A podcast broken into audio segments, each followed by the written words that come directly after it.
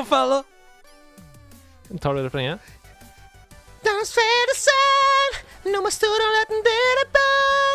Som dere alle skjønner, mens tonene fortsetter i bakgrunnen. Vi er i 2007, og vi er selvfølgelig der med Rihanna sin Umbrella. Ja da. Det er 2007. Med en gang jeg hører den låta, så tenker jeg 2007. Ja, det gjør det. du? Ja. Eller er du mer enn um, Ayo, I'm tired of using technology. Hva er det du synger for nå? Synger 50 Cent og 50 Cent og Justin Timberlake sin AO Technology. Jeg hørte ikke på den! Hørte du på da? Jeg hørte på Umbrella, Lincoln Park, Linkin Park What I've Done. Å ja, nei, kom den der, ja. Jeg hørte på Name, norske artisten Name. Husker du den? My baby on a rooftop, snekker to the skitty Var det 2007? Jeg tror kanskje det. Nydelig. I 2007 så hadde du kommet deg hjem til alle nye lyttere. Eh, Hasse Hope sitter her sammen med meg fortsatt. Vi skal gjennom spillåret 2007 i denne Sidequest-episoden. Hvis du av en eller annen grunn har gått inn på Patrion og begynt å backe oss nå, åpnet alle episodene og begynt med 2007, eh, og dette er det første du hører, så vet du nå hva det er det går i. Vi går gjennom alle spillene. eh, vi går gjennom noen spill som jeg har tatt u- og valgt ut fra 2007 eh, som står igjen som bautaer, eh, enten fordi de er gode, dårlige, eller har eh, banet vei for andre opplevelser eh, i spillbransjen. Hasse, 2007. Ja. I forrige episode så etablerte vi at du var i Montpellier i 2006. Ja. Hvor var du i 2007? Uh, I 2007 så skal vi rett og slett til solens opphav. Altså Ja. landet som oppfant uh, solen uh, 2000 år før Kristus, nemlig Japan. Oi! Jeg studerte japansk på universitetet i Hokkaido, Sapporo. Fra fransk til japansk. Mhm. Hvorfor? Eh, fransk fordi det skulle være nyttig, for da kunne jeg reise til Frankrike og starte bilfabrikk. Eh, japansk fordi jeg er og var en evig nerdboy som elsket alt Japan hadde å tilby av både kultur, historie og, en, eh, og klær. Jeg trodde du skulle si fordi det skulle være nyttig, fordi jeg skulle starte bilfabrikk. For det er jo like mye Japan, det, som Frankrike. Ja, jeg veit det, Ja. men jeg sa ikke det. Nei, du gjorde Og dessuten det. sa du bilbafferi først. Hør på det. Kan ikke du spille det på nytt, bare så vi hører det en gang til? Jeg tar- det fem ganger etter hverandre. Starte bilbafferi, bilbafferi, bilbafferi, bilbafferi, bilbafferi. Ja, Ja, flaut, det. ja for det er bilbafferi. YouTube-grep der, altså. Uh, vi må bare komme i gang, for 2007 er et helt sinnssykt år. Det er så mange faner her at jeg, i Chromen min at jeg vet ikke hva det er som skjer her engang. Men jeg skal bare fortsette med å uh, si litt om Nintendo DS sin dominans. For vi var jo inne på det i forrige uh, år, 2006, men i 2007 så tar det fullstendig av. Konsoller solgt i Europa i 2007. Nintendo DS 8,7 millioner. Andreplass Wii 4,8. Altså det er halvparten så mange konsoller Wow. solgt av Nintendo Wii. Japan, Nintendo DS 7,1 millioner.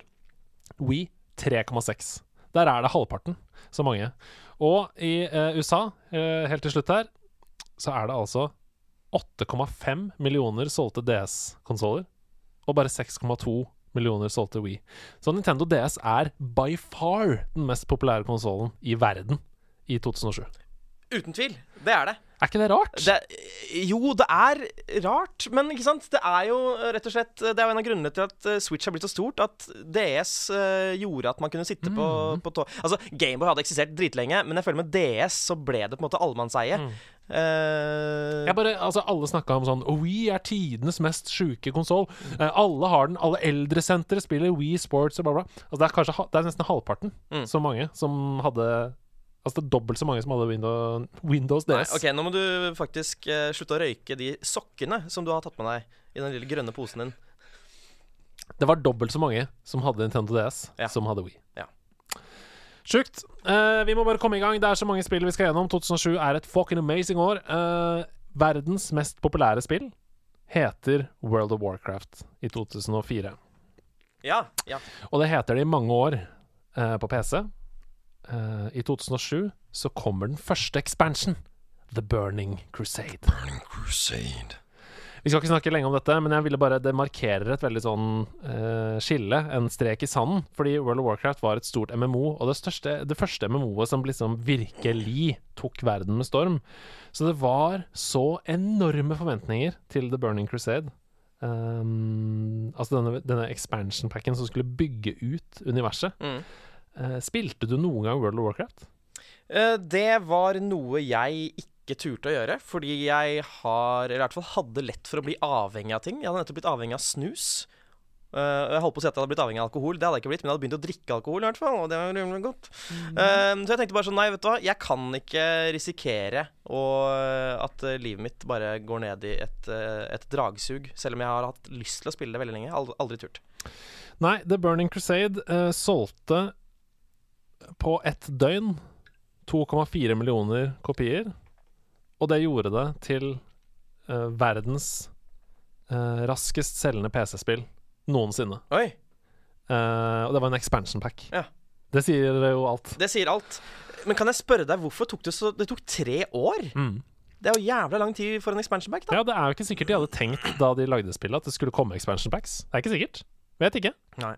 Ja, det er ikke sikkert de skjønte at det kom til å få så stor impact som det gjorde. Mm. I det hele tatt Mm. Warcraft 3 var jo liksom det forrige, og det var jo ikke det var ikke, eh, altså det ble jo mange som spilte det, men det var ikke en kioskvelt der, det. nei, og folk ble på en måte ikke syke og måtte legges inn på eh, avvenningsklinikker og sånn Mm. av Warcraft 3. Nei. Det gjorde de ikke. Nei. OK, uh, The Burning Crusade, for alle de som spilte det, sikkert en fantastisk opplevelse. Jeg må hoppe videre. Um, den er litt søt. Hmm. Den er litt søt. 27.2.2007 så kommer det et spill som er gitt ut på nesten alt som fins. Og det heter Peggle.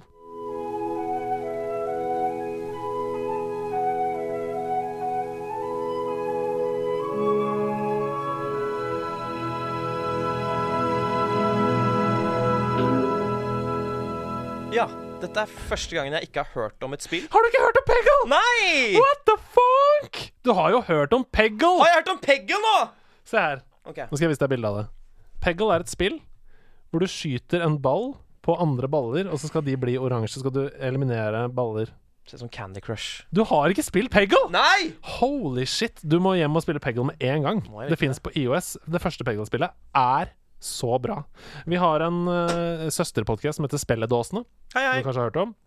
Tre fantastiske kvinner som snakker om TV-spill. De snakker mye om Peggle. Uh, Peggle har Xbox 360-versjonen har 90 av 100 på Metacritic. Uh, og det er, ligger rundt 9 av 10. Peggle er eh, Det er jo et slags puzzlespill. Hvis du husker de gamle knipsekassettene? Ja, ja, Altså de der knipsemaskinene på, hvor du tok en krone, la på, og så slo du krona inn. Sånn er det.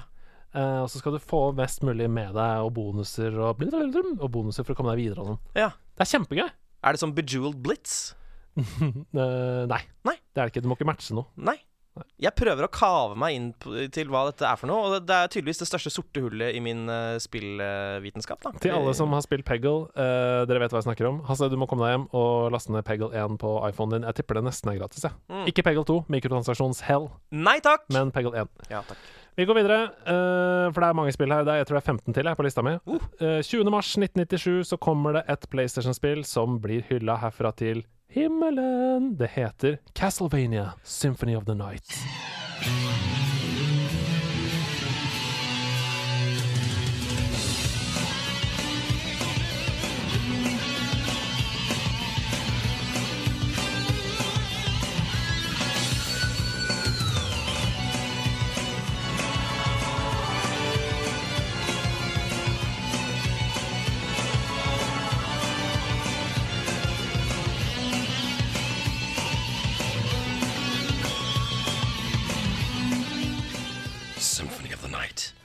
Det er min stemme på alle spill som er litt mørke. Ja. Uh, dette spilte jeg. Jeg spilte demoen ganske mye, fordi jeg hadde lite penger på den tiden. Oh, jeg var en fattig mann i Oslos gater.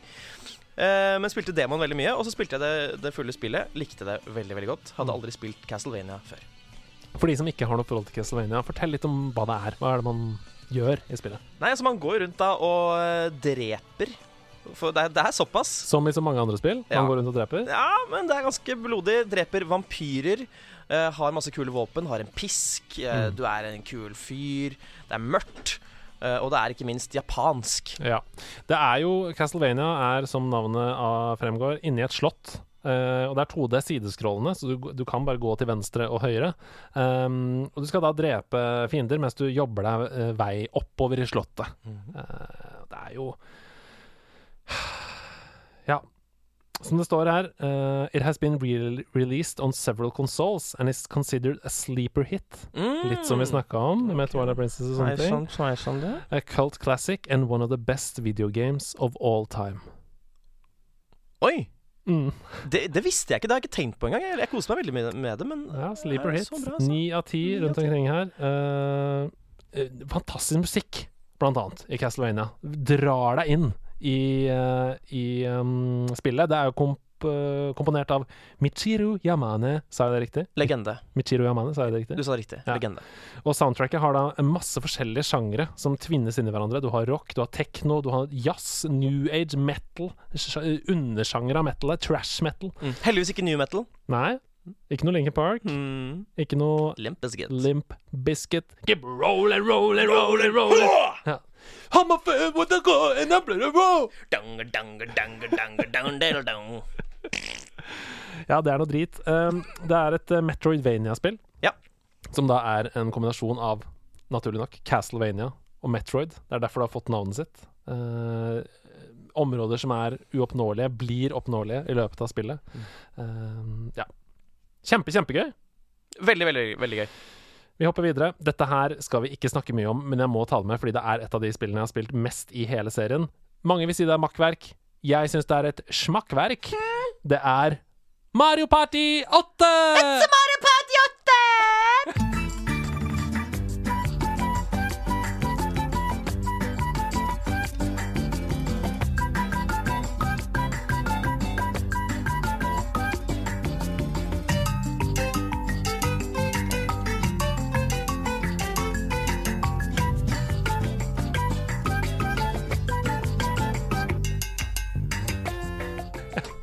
Mario Party 8 er det første Mario Party på Wii. Ja, det stemmer. Og det introduserte jo uh, åpenbart da masse nye minigame-mekanikker med denne Wii-måten, som du kunne flekke og flekke og flekke, og du kunne fiske, og du kunne onanere. Nei, nei, nei. nei. Stryk det. Men ja. Uh, jo da, det var det. For det var nemlig et minigame i dette spillet som het Shake It Up. Shake it up! Og der er- har utviklerne hatt det gøy, Uh, uten at noen kan si at barna forstår ikke dette. For det er altså da du, eh, fire Nintendo-karakterer, eh, de som du har valgt, da, Mario Peach f.eks., står foran hver sin brusboks. Du går bort til brusboksen og rister så mye du kan i løpet av 30 sekunder. Den som vinner, er den som får høyest sprut opp Nei. av brusboksen. Det er skamløst! Det er helt herlig! Men ingen barn skjønner jo det. Nei, det er bare nei, sånn «Ja, jeg, Det brusa mest over hos meg. Ja, dette er ikke sæd! Men vi voksne, vi ler oss i hjel. Um, Mario Party 8, kjempegøy. Jeg har spilt det så fantastisk mye med uh, vennene mine. Blant annet Anders Lørland, som du kjenner godt. Jeg kjenner han. Disse folka. Ja, ja. Eh, utrolig mange morsomme minigames. Eh, en bane der hvor du går gjennom et tog. Eh, en bane hvor du er en slags tycoon, må kjøpe eiendom. Det er, det er kjempegøy. Men øh, jeg må bare spørre deg, er du faktisk en sånn fyr som kan skille alle Mario Party-spi- Mar- Mario Party-spillene fra hverandre? Nei, men jeg har spilt veldig mye Mario Party, og Mario Party 8 spesielt har jeg jo spilt eh, kanskje mest. Ja. Så det er derfor jeg har så varme minner til det. Jeg forstår. Jeg tror ikke det holdt seg. Hvis du aldri har spilt det, ikke gå inn og spill det. Hvis du har varme minner til det, det er fortsatt like gøy. Spill det på Switch, da, da. Vi skal videre til 23. juni 2007. Um, det er ikke lenge siden forrige spill i serien kom, men dette er jo kanskje enda bedre. Jeg snakker om The Legend of Zelda Phantom Hourglass.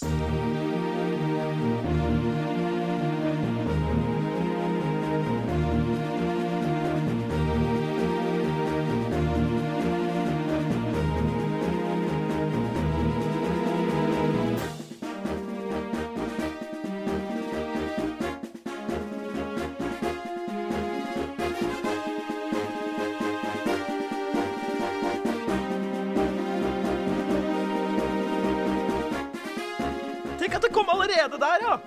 Tenk på det. Det var på, på DS-en. Ja, så det må jo ha vært to ulike utviklingsteams, Teams, selvfølgelig.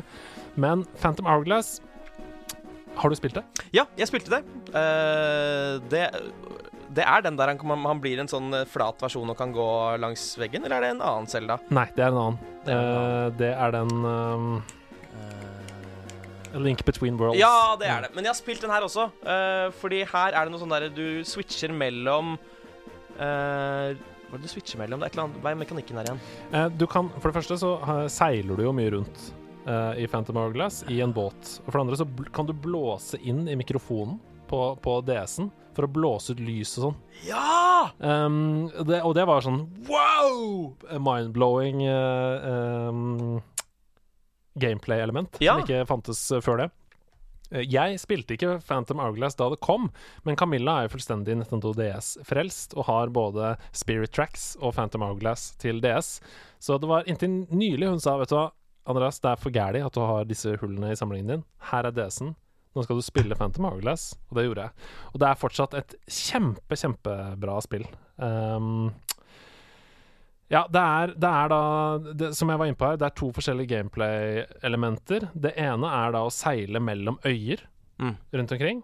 Uh, og det andre er å uh, utforske disse øyene uh, on foot, eller ned i sånne dungeons, klassiske Zelda-dungeons, hvor det er puzzles og sånne Ja. Det er det det går i. Det kan hende du ikke har spilt dette. Det kan godt hende. Ser dette, Er dette sånn cell-shada som Windwaker? Ja, Ja, det er samme er grafiske stil? Ja. Ja, ja, det er det. Mm. ja, da har jeg ikke spilt det. Vær så god, Nei. folkens. Kast dere over meg og drep meg. Nei da. Uh, du kan låne min DS og spille det hos meg. Korona. Korona Det er et uh, veldig, veldig bra spill. Uh, men vi må videre, for det er mange bra spill på denne lista. Jeg tror jeg bare nøyer meg med å si 21.8.2007 er et lite spill som heter Bioshock.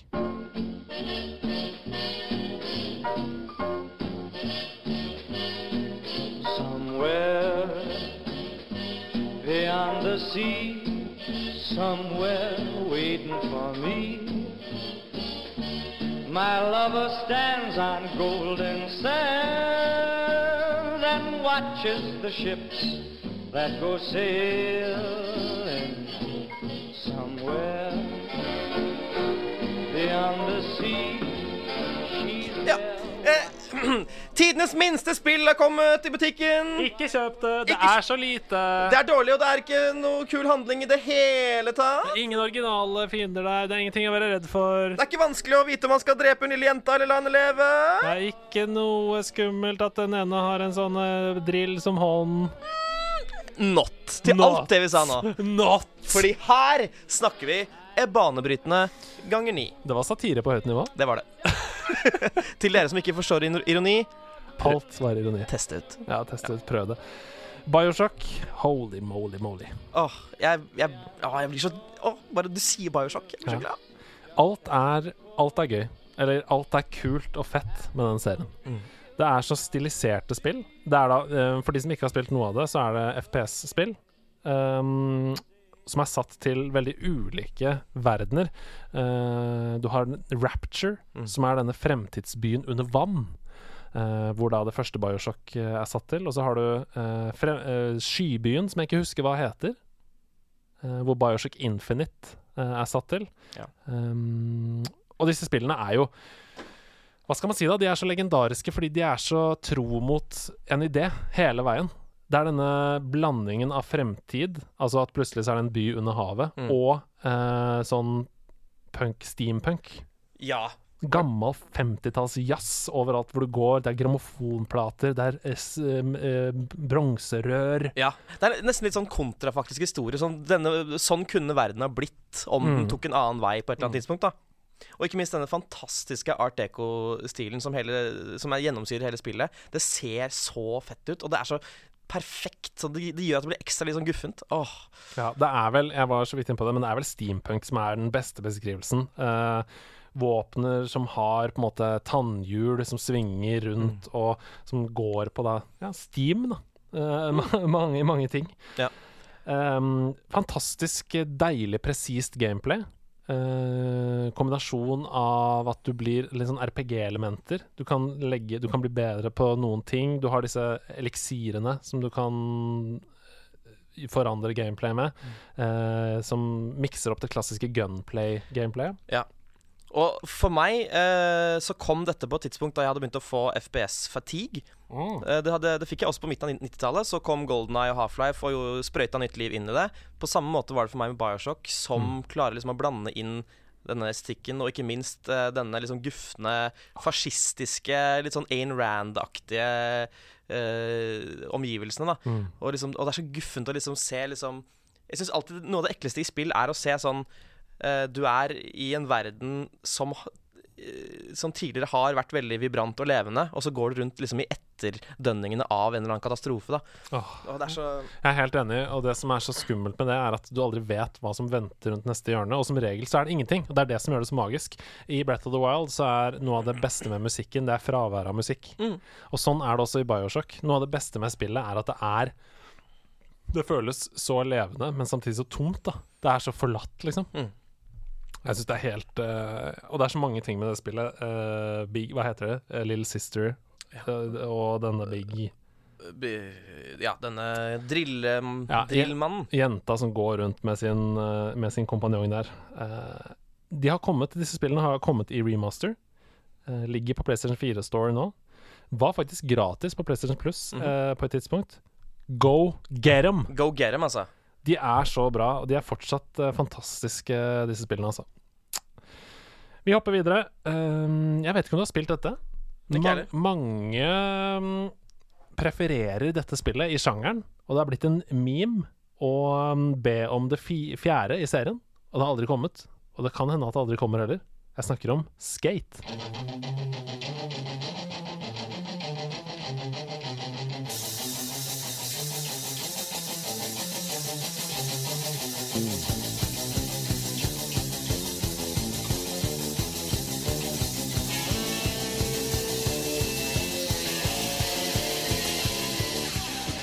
Ja. Da tror jeg bare lener meg tilbake og, og lar meg forbløffe over Skates magiske verden. Ja, Skate kom eh, da i september 2007. eh, og er eh, Det er vel Skate 3 som de fleste har et eh, veldig brennhett forhold til. Mm. Skate var svaret på Tony Hawk, eh, og Skate skulle være mer realistisk. Altså Det var på en måte en skatesimulator. Var det Gran Turismo til eh, Tony Hawkins Need for Speed? Helt riktig. Meget god analogi. Um, og Det er derfor det splitter selvfølgelig brukerbasen i to. Det fins folk som foretrekker Need for Speed, foretrekker Arkade-racing. Det fins folk som foretrekker å kunne klikke rundt i SSX eller i Tony Hawk. Mm. Mens andre vil gjerne at det skal være eh, riktig tyngdekraft. Uh, at du ikke skal kunne hoppe 50 meter opp i lufta med skateboard, f.eks. Mm.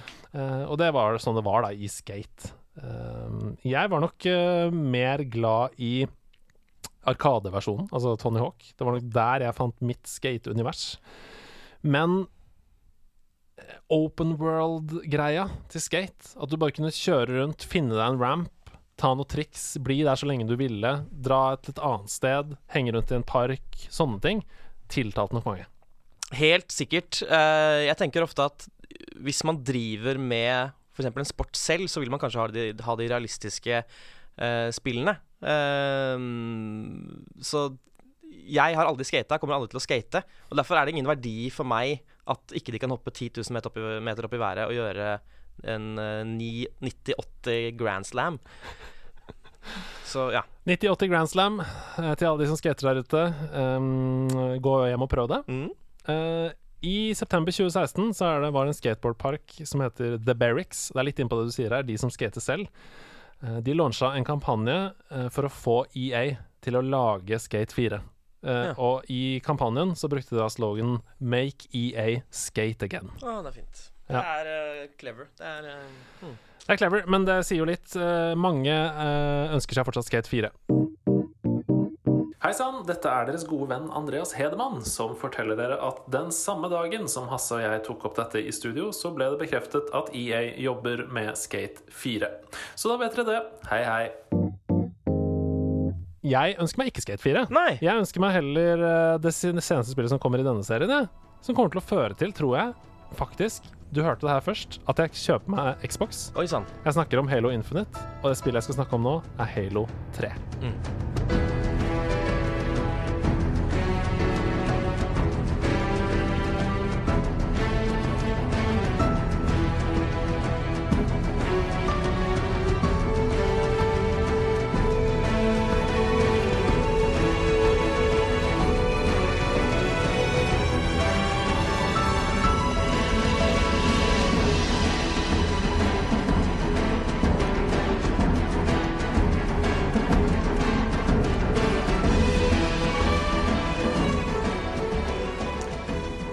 Halo eh, Vi snakket om det da vi var i 2006, dette med Gears of War som gjorde at jeg hadde lyst til å spille eh, kompisen min sin Xbox. Det samme gjelder jo Halo. Ble ikke noe mindre.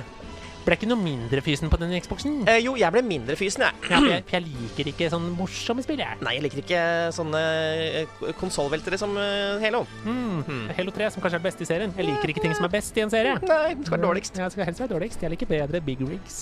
Ironi alert presenteres av eh, Fabian Stang. Åh, Mårud.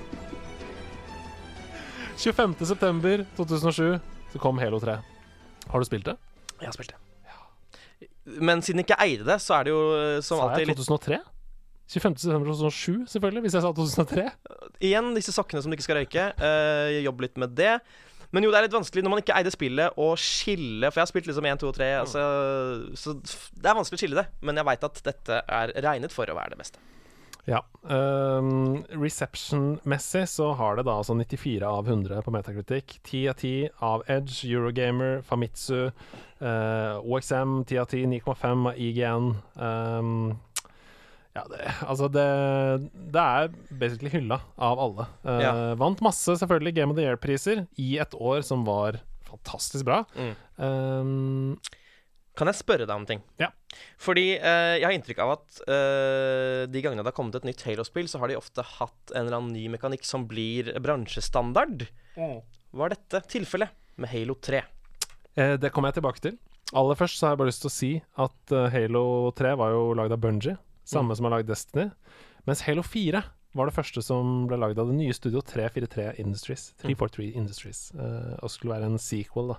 Så, og alle vet jo at Bunji kan lage spill. Ja. Um, men om det var en ny mekanikk i dette um, spillet jeg, jeg vil vel kanskje si at den største forskjellen var at det kom nye uh, vehicles som du kunne kjøre, Mm. og nye AI-vehicles. Men den største forskjellen var ikke på en måte spill, den var en, uh, som det står her, non-gameplay edition, som het Forge. Og Forge, det var uh, kart, altså uh, map editing tool. Ja. Så du kunne, du kunne bygge multiplayer maps med liksom Du kunne fjerne game objects. Du, kan, du kunne sette inn crates, f.eks. Du kunne spåne vehicles. Du kunne lage dine egne Det var sånne map-bilder da som da miksa opp multiplayer-moden veldig. I 2007. Det er imponerende. det. altså. Det er jo som en slags Super Mario Maker. Spill banen min med vennene dine. Um, skyt hverandre i min verden. Gøy. Veldig gøy. Halo 3. Vi har snakka masse om Halo i Sidequest, så jeg bare går videre. For dette kommer til å ta tid. Dette er Jeg tror fortsatt at dette er for meg den beste pakka med spill som har kommet noensinne. 10. oktober 2007 så kommer The Orange Box.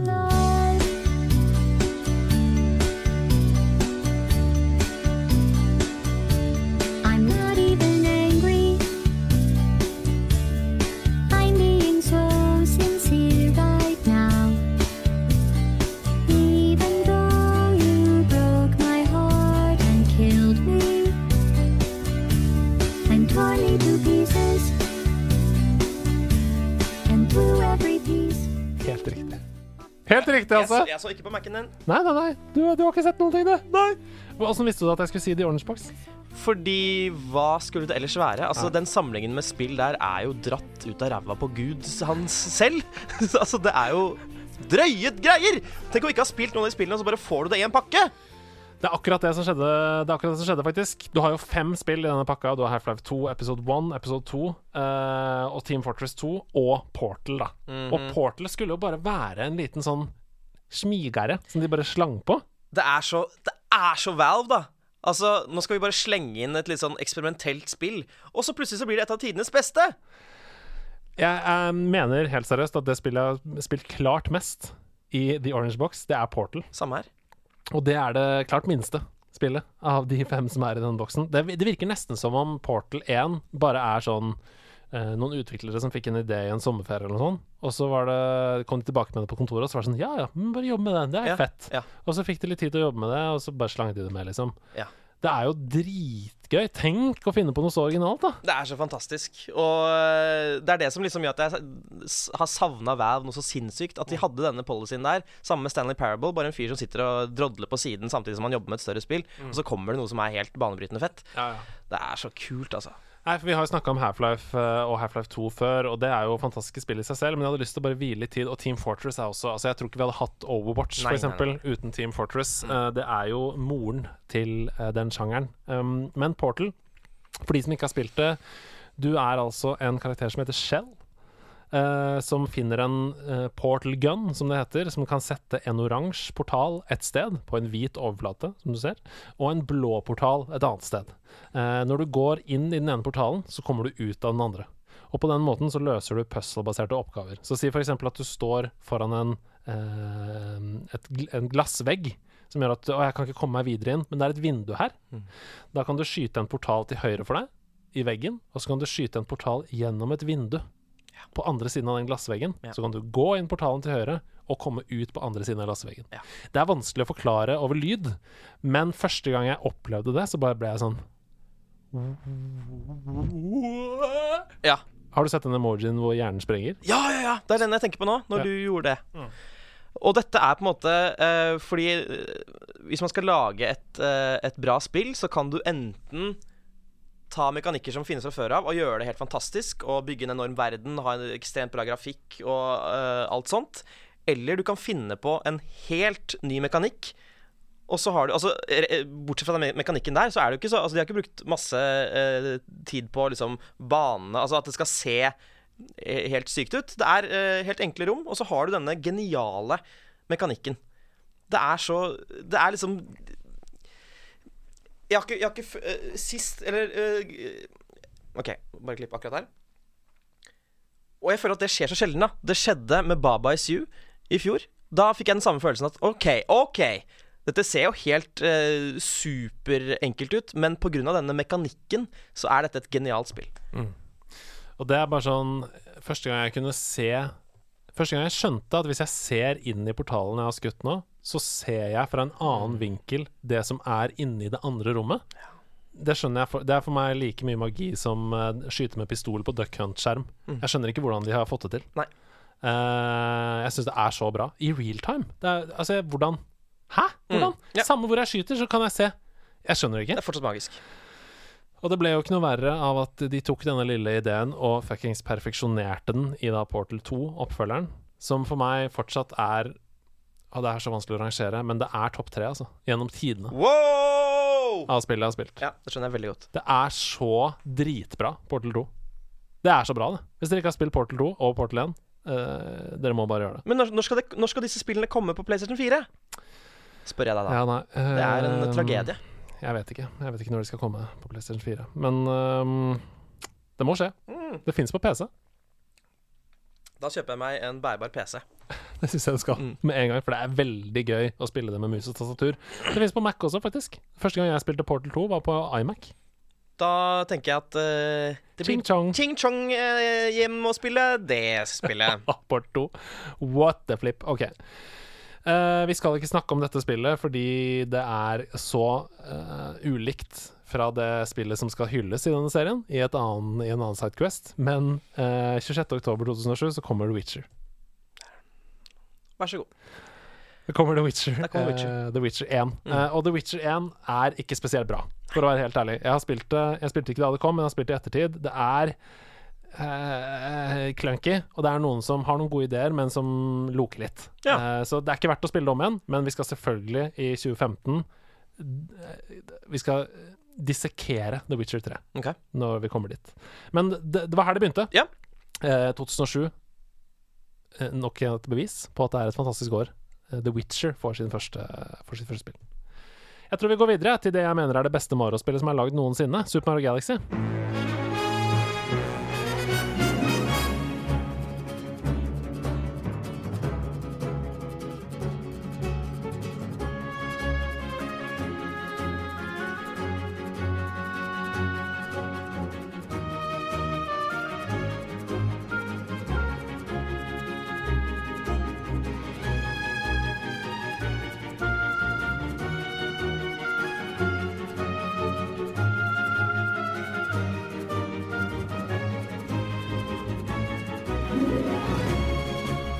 Bare slang den ut, er? Du bare, du bare, du bare Ikke noe lang intro, bare slenger ut det spillet. For en makt du har. For en makt jeg har! Ja. 1. november 2007 eh, så kommer noe som jeg bare ikke var forberedt på i det hele tatt. Det er et 3D Mario-spill som bare Når jeg ser på coveret, så blir jeg helt eh, tom for ord. Ja. Jeg syns det er så bra. Det er så bra.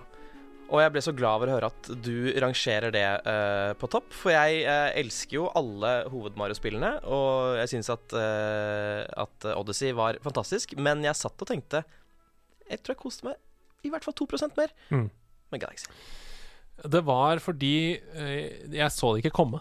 Jeg så ikke Galaxy komme med hele denne tyngdekraftmekanikken og å være ute i verdensrommet og den følelsen av å explore og alt. Og, og ikke minst blandingen, faktisk, da, av lineært og åpent. Mm. For det er jo ganske lineært. Ja. Uh, Super Mario Galaxy er liksom pa, pa, pa. Ta denne stjernen denne runden. Ikke sant? Sånn som Super Mario 64. Mange sier sånn ja, det er open world. Det er også ganske lineært, nemlig. Mm, Super Mario 64. Uh, og jeg liker det, da. Jeg likte det bedre enn Odyssey. Ja, Den samme åpenheten som er i Odyssey, er fantastisk, og det er et utrolig bra spill, men jeg, trenger, jeg, jeg vil gjerne at det skal være litt mindre åpent, for å være helt ærlig. Mm. Um, elsker Odyssey, ikke, ikke noe forkleinelse for det, men for meg så er Galaxy bare fargene, musikken, gameplayet, de ulike stjernene du er på jakt etter. Eller Loom, eh, hva er det du er på jakt etter? Jeg husker ikke hva det er på jakt etter. Det er vel stjerner. Ah, det er bare Det er helt fantastisk. Og eh, ikke for å banne i kjerka, men for meg så ser jeg på en måte Jeg ser på det som oppfølgeren til uh, Super Mario 64. Fordi jeg, jeg likte Sunshine. Det var sånn, Ja, det er gøy at Mario er tilbake i 3D-versjon, men du må løpe rundt med den jævla vannkanonen hele tiden. Og det det er en morsom mekanikk, men uh, det er noe med liksom bare den uh, oppfinnsomheten i, i Galaxy som jeg føler var tatt rett ut av 64. Altså, det er så forbanna bra. Super Mario Galaxy har 73 anmeldelser på Metacritic, og 97 av 100 på disse 73 anmeldelsene. På eh, den konkurrerende siden, Game Rankings, så er det tidenes høyest ratede spill. Eh, det har 98% av 100% på Game Rankings. Um, og det betyr at de mener at det er verdens beste spill noensinne. Tenk litt på det. Jeg tenker på det nå, og jeg blir litt svimmel. Hvis, hvis Super Mario Allstars 2 kommer, som er ryktet, med da 64 i remaster, Galaxy i remaster, eller remake, da, om dere vil, og hva var det siste? Er det Sunshine Ja, Sunshine. som er rykta i den pakken? Så blir det Det kommer til å gå forbi uh, The Orange Box som den beste pakka med spill. Faktisk. Det er alle de spillene du trenger. Super Mario Galaxy er eh, et av de aller beste uh, plattformspillene som er lagd noensinne. Mm. Vet, skal vi snakke noe mer om det? Jeg føler at med sånne spill så er det så, det er så vanskelig å gi det nok eh, honnør, liksom. Ja. Det er bare eh, Ord strekker ikke til. Husker du spesielt noen av banene som du liksom har et varmt forhold til? Noen av liksom stjernene du er på jakt etter, eller achievementsen, eller Nei. Jeg husker spesielt uh, det, er, det er en bane som heter sånn Red and Green Switch, eller noe sånt. Hvor du skal, du er, det er et bilde av Luigi, og så skal du gjøre om alle knappene fra rød til grønn innenfor en viss tid, og det er dritvanskelig. Ja. Um, og vi, jeg og min venn Thomas Kallerud Vi kalte det bare 'Den umulige banen'. Mm. Det var det de kalte det. Og jeg klarte det aldri, men Thomas klarte det, på min Wii. Og det var den siste stjernen som jeg mangla. Og da husker jeg at jeg utbrøt gledesrus. Du klarte den umulige banen! Og det ble helt stille. Ja. Uh, og Thomas hadde altså klart den umulige banen. Det sier så mye om deg, da. At, uh, at du får like mye glede av å se noen andre gjøre det på din maskin, som om du gjør det selv. Super Mario Galaxy tok eh, de kjente og kjære Mario-temaene og blandet inn med uh, symfoniorkester, som jo er en genistrek i Mm, seg selv. mm. Jeg kan gå på gata og lytte til den musikken og grine eh, den dag i dag. Det er helt eh, magisk. Um, det er også det neste spillet. Eh, det kom uh, 15.11.2007. Det var det første i serien som gikk ut av andre verdenskrig. Jeg snakker om Modern Warfare.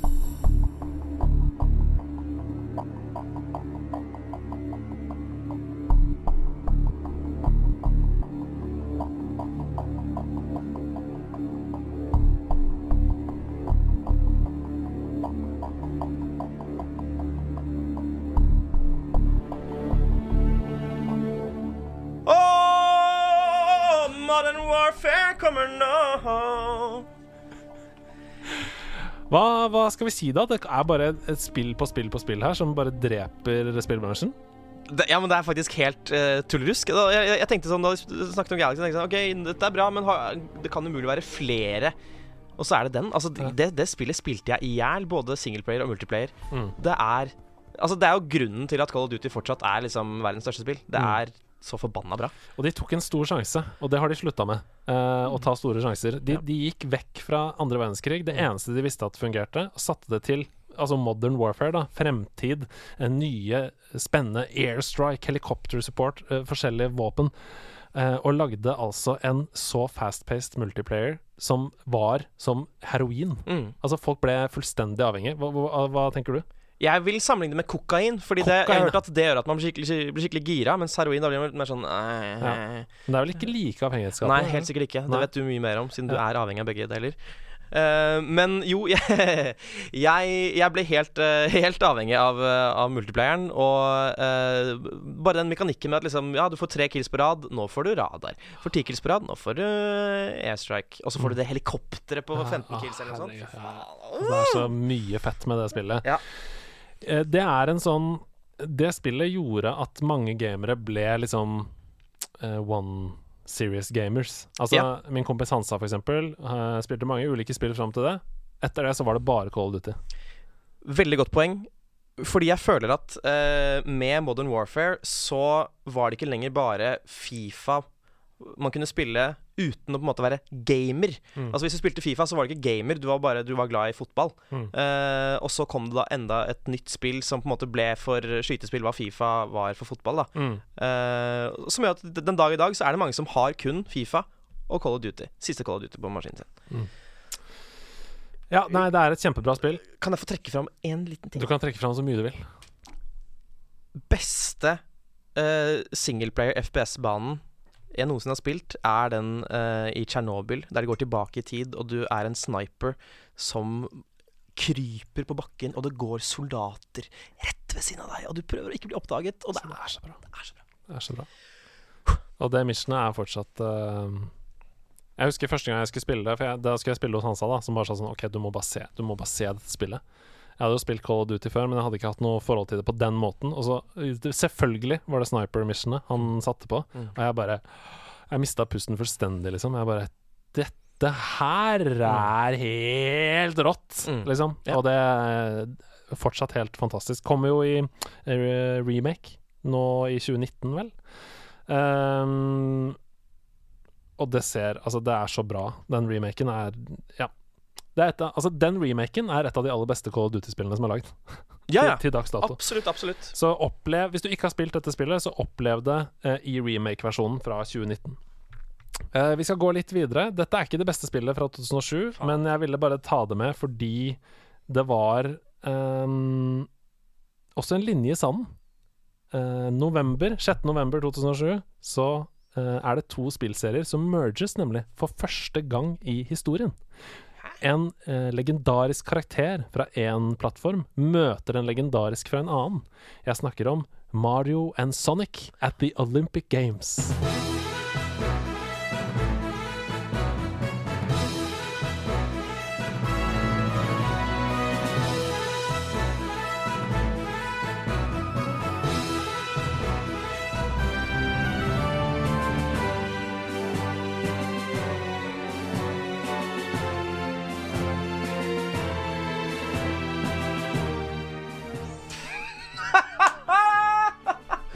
En oppbygging til Mario Sonic Olympic Games!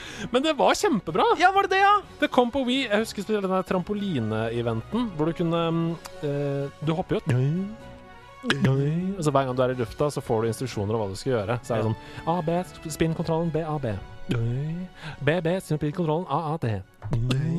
Ikke sant? Kjempegøy! Ja. Og ble selvfølgelig vanskeligere og vanskeligere etter hvert. Um, OL-spill fram til den tid var for meg f.eks. Nagono 98. Legendarisk spill. Ja, Ja, jeg liker det veldig godt. Husker det veldig godt. Men dette var en ny take, da. Altså Det var liksom Party Games møter OL-spill. Mm. Og eh, det er en grunn til at det har kommet mange i den serien etter det, og det er fordi det er bra. Hvor rangerer du det i forhold til Mario Party? Ikke like bra. Nei. Uh, for meg personlig, og ikke like legendarisk heller. Uh, men hvis man liker Du var inne på Fifa, liksom. Hvis man liker sport og liker sånne ting, og er sånn interessert i gaming, Mm. eh, nysgjerrig på det kanskje, så er dette en veldig god gateway drug. Uh, Ja. Mario Sonic at the Olympic Games-spillene. Eh, det er jo både vinter- og sommergames. Dette var jo sommer. um, og ligger rundt sånn 7 7 7,5 av 10. Ikke sant? Så det er helt eh, en fin opplevelse. Ja, Men også har det sin egen verdi at du får denne crossover-greia. Altså det at Mario og Sonic møtes. Litt sånn som da jeg, da jeg så Who Framed Roger Rabbit, og Mickey Mouse og Bugs Bunny var i samme scene. Da jeg så Heat og Robert De Niro og Al Pacino var i samme scene. Det er liksom, det er noe gøy Ja, det er det. Ja. Og alle har sin favoritt, ikke sant? Noen heier på Sonic, noen heier på Mario. Det, er, det blir mye gøy av sånt.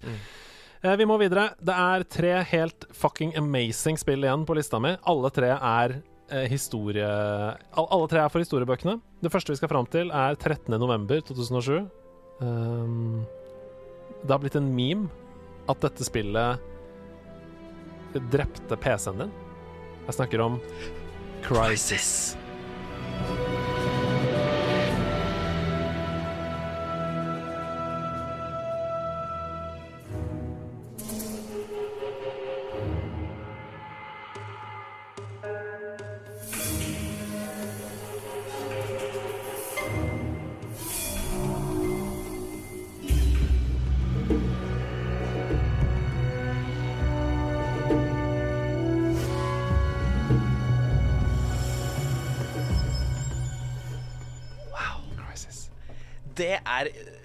Det Ja. gøy. Eh, fordi det er jo, som du sier, det er jo selve eksempelet på nærmest et spill som er laget som en tech-demo for Ja. hvor fet maskinen din er. Ja. Hvis du kunne kjøre Crisis clean på PC-en din, Ja. da var du fet, ass. Da var du fet. Da hadde du ganske vill PC. Jeg skal bare se, for det står noe sånn i, i, um, i sånn legacy her. Um, At the time of its release, Crisis was one of the most computationally expensive games on then current computer hardware. Because of the computational demand, the phrase, but can it run Crisis, became an internet meme. Questioning if personal computer systems with the best possible hardware could run the game at its maximum quality and resolution settings. Så jo helt utrolig ut, det spillet. Vannet. Eh, fantastisk. Og sånn natt- og dag-cycles som bare gikk i singleplayer-versjonen. Ja. Og det er nok eh, Jeg så for ikke så lenge siden en YouTube-video som, eh, som, som viste rett og slett at Crisis 1 ser fortsatt jævlig bra ut. Ja, det gjør det. Fordi det var, så, det var så langt forut for sin Mm. tid at det til og med i dag er ganske imponerende. Jeg tror jeg så nøyaktig den samme videoen. Ja. Eh, det, er, det, er, det er helt riktig. Og det er jo da eh, Crytek som har lagd det, de samme som har lagd Far Cry, f.eks. Og du ser jo at de har henta mye inspirasjon fra Far Cry-serien der. Det er jo denne tropiske øysituasjonen. Eh, Nordkoreanere? Ja, nordkoreanere. Det er helt riktig. Um, jeg skal bare finne plott her, ja. Det er da disse General Ri Chan Kyong som tar kontroll over disse Lingshan Islene, som du da skal selvfølgelig hjelpe til med å vinne tilbake kontrollen over. Og du kan da Du har på deg en drakt som gjør at du kan bli usynlig, uh, ustoppelig og superrask. Mm. Er det den siste tingen? Og det var jo også veldig gøy. At det, var jo et klassisk FPS-spill, men som lekte litt med liksom de menneskelige begrensningene, da, Ja. som er veldig, veldig gøy. Men, men det har på en måte ikke blitt en sånn Altså Bortsett fra den tech-demo-greia, så har det ikke på en måte blitt nødvendigvis et spill man snakker så mye om for spillets del. Og det tror jeg også kanskje handler litt om at det var så få som kunne kjøpe det. Mm. Og så kom det vel ikke til konsoll med en gang heller, om det noensinne kom til konsoll? Nei, øh, det husker jeg ikke. Skal jeg sjekke her på Nå lukka jeg den fanen fordi jeg skulle begynne å gå tilbake til den originale anmeldelsen i gamer.no. Det kom til både Xbox 360 Det det, og PlayStation 3, men det var først fire år etterpå. I 2011. Eh, men her er gamer.no sin originale anmeldelse. Og her står det altså Crisis er et knallspill. Det er et spill absolutt alle som liker skytespill, må spille. Eh, både fordi det rent teknisk sett overgår alt annet på markedet, og fordi de første ti timene leverer noe av det ypperste vi har sett innen skytespill-action. Det er lite som er så herlig og intenst som å leke katt og mus med fienden i jungelen, og den flotte kunstige intelligensen sørger for at leken ikke er så forutsigbar som en skulle tro. Med de åpne områdene og de mange mulighetene gir Crisis deg mulighet til å spille på dine premisser, og det er alltid en god ting. Ni av ti. Takk. Mm. Veldig, veldig gøy. Det kommer nå i remaster. Bra, for jeg har ikke spilt det. Nei, Crisis. Crisis Remastered er under utvikling. Det ble avslørt da i april i år. Eh, ved en feil, ved en leak. Eh, så vi vet ikke helt når det kommer, men vi vet at det kommer. Og det gleder jeg meg skikkelig til å spille. Jeg tipper det kommer på next, next gen, tror du ikke det? Next gen. Ja, det blir Next Gen til. Det blir next gen. Tell. Håper ikke det kommer på next gen til. For jeg har ikke det mobilabonnementet, eller bredbånd, mobilbredbånd for next gen tel. Jeg bruker iSnett. Oh, la, la. 20. november, bare ni dager etter Crisis, så kommer det et bitte lite spill som får en helt insane følgerskare. Og det er ikke så rart, for det er helt fantastisk. Jeg snakker om Mass Effect.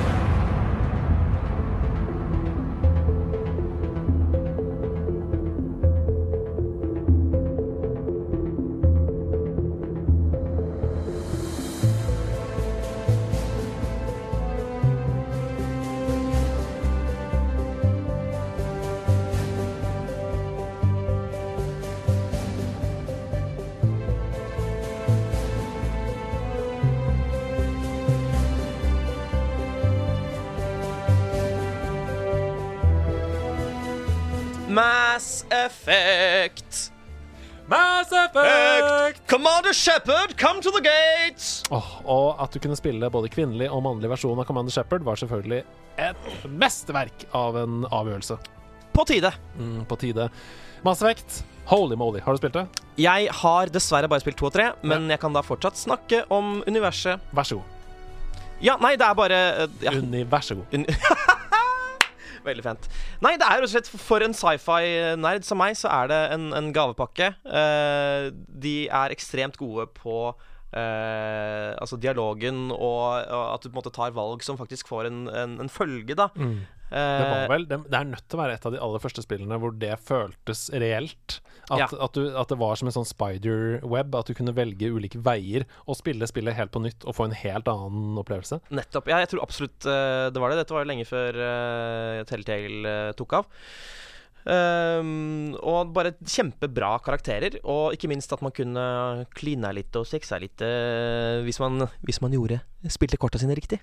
Det var ganske gøy.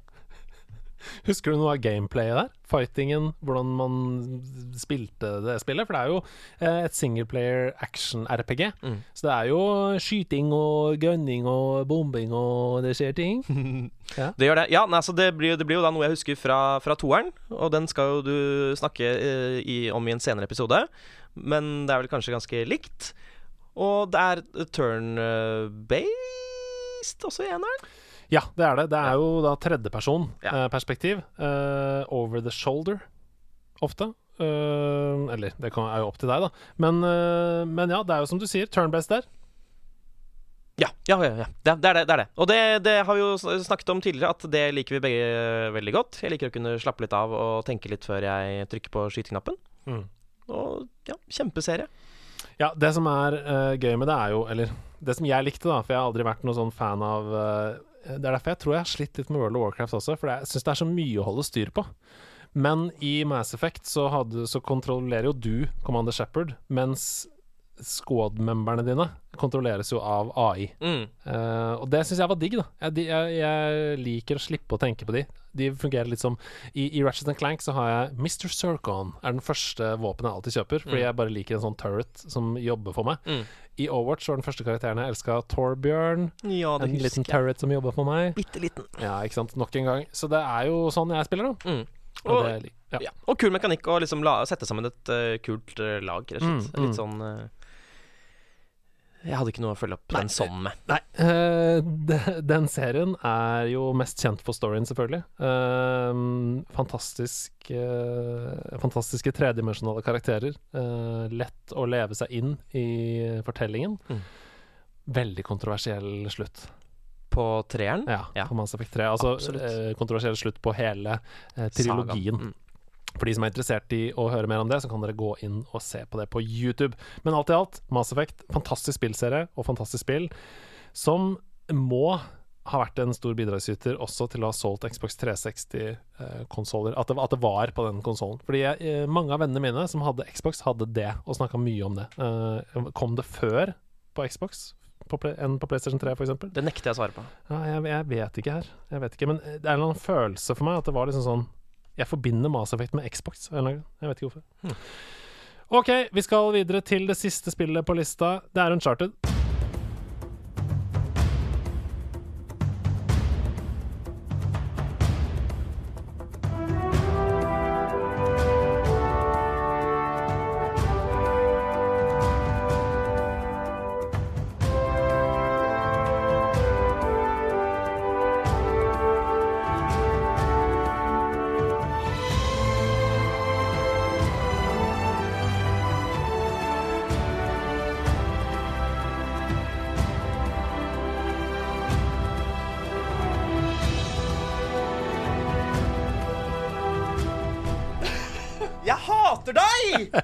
Er en demon. En tyrann og en demon. Og det er faktisk det spillet jeg har sittet og venta på. Av alle spill vi har snakket om i dag, og det er mange på lista, så er det Uncharted, fordi jeg er jo mist... Jeg er jo kjent som Mr. Uncharted. eh, Ja, men, men du er jo Nathan Drake. Jeg er helt sikker på at hvis man skulle lagd en norsk versjon av Uncharted-film, f.eks., eller dubba, eller det hadde vært noe, så hadde du blitt spurt. Ja, ja. Du har både the looks, the voice, The Bad. the body, the physics. Mm. Du har alt. Og ja, og ikke minst så har jeg den herlige Det glimtet i øyet som Nathan Drake er så eh, kjent for. Det glødende engasjementet for Uncharted, det har du også. Fortell om den serien som er så helt magisk bra. Ok, ikke sant? Det begynner jo med Uncharted, det første spillet, eh, som Vi må ikke, skal ikke legge under stol, eller skyve under stol, uh, at det er det minst bra. Jeg vil ikke si at det er dårlig, for det kan man kan ikke bruke dårlig i samme setning som Uncharted. Det er det minst bra spillet av dem, men det er her så mange av mekanikkene blir født. Det er her den fantastiske kjemien mellom uh, Drake og Sully og alle de andre karakterene fødes. Og ja, det, det er så mye man kan ta tak i, da. Men for meg så har alltid, alltid Uncharted handlet om relasjonen mellom de karakterene. For det er så bra skrevet. Manuset er så bra. Og det er morsomt, og det er varmt, og det er fint, og det føles genuint. Som du er inne på her, Uncharted 1 eh, har ikke stått tidens tann så veldig godt, fordi du faller ofte ut for kanter og sånn, og det er mer et skytespill enn det de andre i serien er. Eh, ispedd litt quicktime events. Eh, men holy macadoli for en serie, og for en triumf av Naughty Dog. Og det jeg også må si, da, det er at Uncharted lagde en ny sjanger. Mange vil si sånn Ja, du hadde Tomb Raider, da. Det er det samme. Nei, det er ikke det samme. Uh, den Indiana Jones-følelsen som du har i Uncharted, og ikke minst at gameplay er så eh, Det er så uh, Dreier seg så mye rundt på en måte tre elementer, vil jeg si. Det er skytemekanikken, uh, som er et klassisk FPS-spill, egentlig. Så er det klatringen. Mm. Og klatringen er en stor del av det spillet. Og det varierer uh, veldig uh, om det er lianer, eller om det er bare uh, steiner i en vegg. Men det liksom I hvert fall en tredjedel av spillet er bare klatring. Mm. Og det er kjempebra, den klatringen. Og det har kommet mange sånne iPad-spill og sånn som har uh, prøvd å illudere den samme type klatregreia. Aldri fått det til. Nei. Og det tredje er puzzles.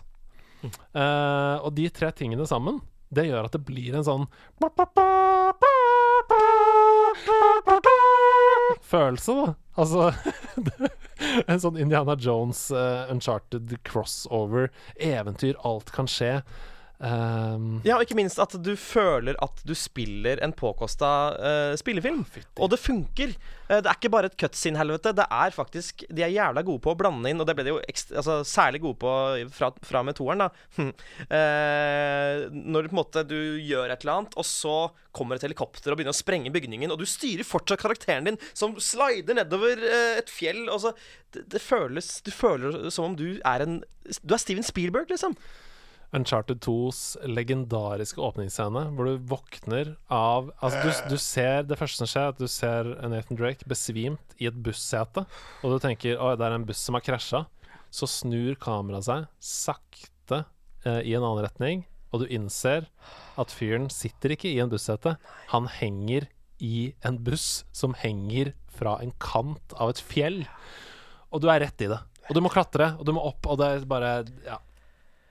Ja, nei, Naughty Dog eh, Dere ble rett og slett, fra med Uncharted, et av verdens beste spillselskaper. Det er akkurat det dag det ble. Um, og jeg må bare si at uh, Uncharted 4, da, som er den største taktiske triumfen, nei, tekniske triumfen, mener jeg, den nailer det der cutscene-tingen du snakker om så mye, og den legendariske scenen hvor du begynner i den kirken på toppen av fjellet, og ender opp i den biljakten hvor du henger fra tau og inn på siden av broa.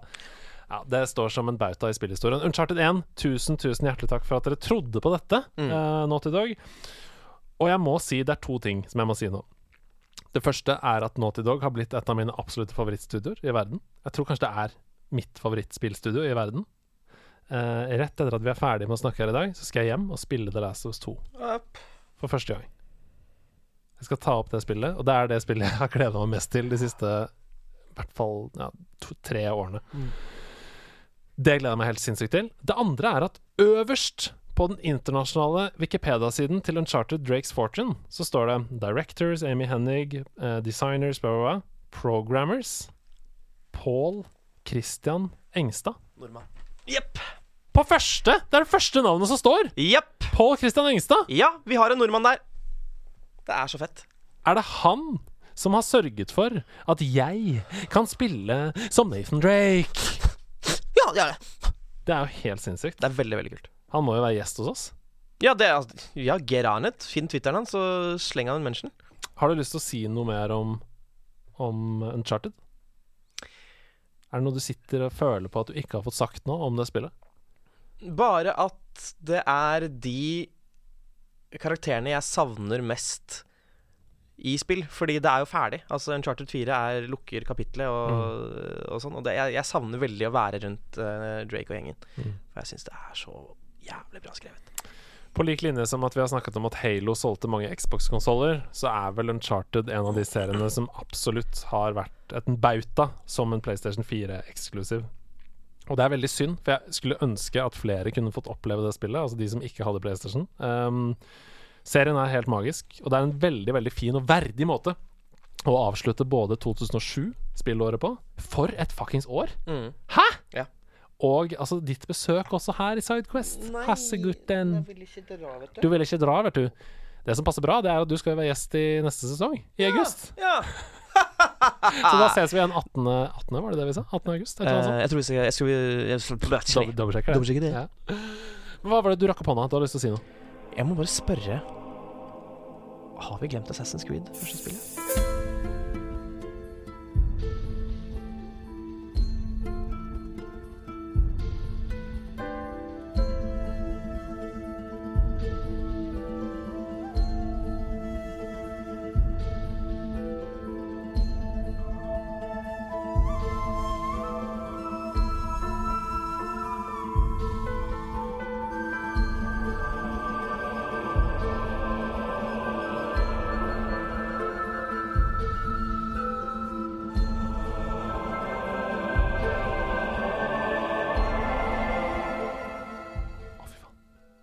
Kom ikke det i Jeg hadde det på lista. Jeg Jeg må lista. bare spørre. Trenger ikke snakke om det. jeg hadde Assassin's Creed 1 på lista, og så gikk det vekk. For det er jo starten på et eventyr, det òg. 13. november. OK. øh, øh, vi må snakke om Assassin's Creed da. Vi må ha det med. Ja. 15. november 2007. Jeg tror, eh, jeg tror det datt ut av lista mi fordi det ikke var blant de aller beste det året. Og Assassin's Creed 2 er vel kanskje det mest på en måte Det som virkelig gjorde at serien fikk sitt gjennombrudd, da, og utviklerne tenkte wow, her er det liv laga. Mm. Men Assassin's Creed 1 Jesus Christ. For en uke, altså november 2007, må ha vært helt bananas. Ja, det var en stor uke, altså. Det husker jeg faktisk. Fortell om det første Assassin's Creed. Hvor var du i livet da du oppdaga det? Du har, du har spilt det første? Jeg har spilt det første. Uh, det var et av de første spillene jeg kjøpte da jeg hadde kjøpt meg PlayStation 3 i Japan. Og uh, Hør på den setningen. Ja, den er grei. Det, det, det går greit om dagen. Eller det gikk greit om dagen. Fy søren, tenk at du, du var Har du vært på Sony-fabrikken nå, du, eller? Jeg, jeg har vært i Sonys hovedkvarter, hvis det hjelper, i Tokyo. Hæ?! Har du det?! Mm. Ok, Vi kan ikke avslutte Sidequest ennå. Du må fortelle om Sonys hovedkvarter. Nei, jeg gikk rundt eh, i denne svære bygningen i Tokyo og så masse Det var i museumsdelen av eh, hovedkvarteret og så på masse teknologi fra deres spede begynnelse til i dag. Og det var helt fantastisk. I 2007. Wow. Fy søren, jeg, nå er jeg så misunnelig. Mm. Anbefales. Ja, det Etter Heineken-museet i Amsterdam. Og, og Guinness-museet i Dublin. Det er pils. Det er, eh, det er stout. Wait, wait. Det er sånn Bali. Taste som Bali, Det er sånn Bale. my son. Bali! Men jo, SS, Assassin's Creed. Mm. Det er jo eh, litt interessant eh, Vi snakket jo om Uncharted, ikke sant? At Mm. der ble mange nye Der ble på en måte eh, grunnlaget lagt. Men det er det minst bra spillet i serien. Det samme gjelder jo Assassin's Creed, Mm. eh, som finner sted i eh, det hellige land, i Jerusalem. Eh, der det introduseres på en måte eh, klatringen, eh, rid ridningen og ikke minst den veldig kule måten man slåss på. En veldig sånn fluid Uh, sånn flytende kul måte som gjør at det ser ut som du på en måte aldri slutter å slåss. Det bare går i hverandre. Um, de gjorde det ikke perfekt, men de la grunnlaget for Assassin's Creed 2, som var fantastisk. Du sier at uh, det første Assassin's Creed kanskje er det svakeste i serien. Hva med Unity? Er ikke det litt verre? Ja, ikke sant. Vi har faen meg Unity. Det, for det er jo det samme som Sonic 06, nesten. Altså Du Ja. faller gjennom gulvet. Det, det går ikke an å spille eh, for mange, da. Nå kan hende det ble patcha, men da det kom, så var jo det helt et makkverk av dimensjoner. Og det er virkelig sånn OK, nå har de bare Nå må de bare slutte, tror jeg. Ja. Uh, og i hvert fall ha to år mellom hvert spill de kommer med. Men ja, det første Assassin's Creed, det er jo som du er inne på her, den deilige uh, blandingen av stealth og action. Mm. Um, og det som var utrolig gøy med det for meg, det var det blandingen av disse to verdenene. At det var en moderne verden eh, med Hva heter han hovedkarakteren igjen? Ezio. Enzio. Nei, det er i toeren. Nei, nå tenker jeg på Desmond. Desmond, ja. Altså i den virkelige Ja, i den verden. virkelige verden. Som Ja. kobler seg til denne maskinen, og da lever seg tilbake i sin forfedres eh, assassin-fortid. Mm. Eh, og jeg lærte så mye historie av de spillene. Mm. For du får jo møte masse historiske karakterer og ja. Og alt er jo helt riktig. Mm. Altså alt, uh, alt det du lærer, alle, de, som, alle de du møter, det er ikke noen ting som er feil der. Og sånn har det vært eh, helt siden, helt siden eneren. Vet du hva som var inspirasjonen til det første Assassin's Creed? Rumpa di. Nei. Hva da? Det kunne vært det, Mm. men rumpa mi er ikke kjent nok. Assassin's Creed skulle i utgangspunktet være en oppfølger til Prince of Persia. Selvfølgelig! Det gir mening. Prince of Persia The Sands Sands of of Time. Time. Det var veldig likt. Veldig kult. Veldig kult. Ja. Uh, og det skjønner man jo når man uh, spiller det første spillet. Ja. Uh, har ikke denne spolemekanikken? Mm, Nei. Creed? Nei, det har den ikke. Ehm, og jeg tenkte bare at jeg skulle gi dere en liten eh, faktaboks. Oh, jeg gleder meg. Eh, og da tenkte vi kunne late som at du er eh, assassinen, og så møter du på en gammel vis mann i eh, Jerusalem, Mhm. og så eh, får du en historie. Ok, skal jeg, Men skal jeg spille ut scenen? Skal jeg være Assassin's Creeden? Assassin-mannen? Ja, det var egentlig tanken min. Jeg har ikke tenkt ut dette her, men uh, ja. I'm an assassin. I'm in Jerusalem. Oh, stay a while and listen. I'm an old man here in Jerusalem. Hey, old man. Do you want to hear a story? Yes, please. Do you know why you're called assassins? My creed? No! I, I don't know, old man. Please tell me. Jeg finner ikke riktig dialogoption. Eh, jeg velger dialogoption um, Go on and, and tell me the rest of the story. Thank you. You see, in in Jerusalem during the Crusades, there were Christian men coming to fight the Muslims, and they dispersed all the Muslims from Jerusalem and sent them up into the mountains where they fought a guerrilla war against the Christians. Continue. I will. I would anyway if you didn't have to say that. Det var bare dialogoption. The Muslims lived in the mountains, and they would fight this guerrilla war just like in the Vietnam War. That will happen in 900 years. Please tell me more about the Vietnam War. It all started when the French occupied Indochina in 1871. Go back to the creed thing. Ah, stay a while and listen. The Muslims lived in the mountains surrounding Jerusalem and fought a guerrilla war, and they would send soldiers into Jerusalem to kill off the high ranking Christian knights. But in order to do this, they needed bravery. Foolish bravery!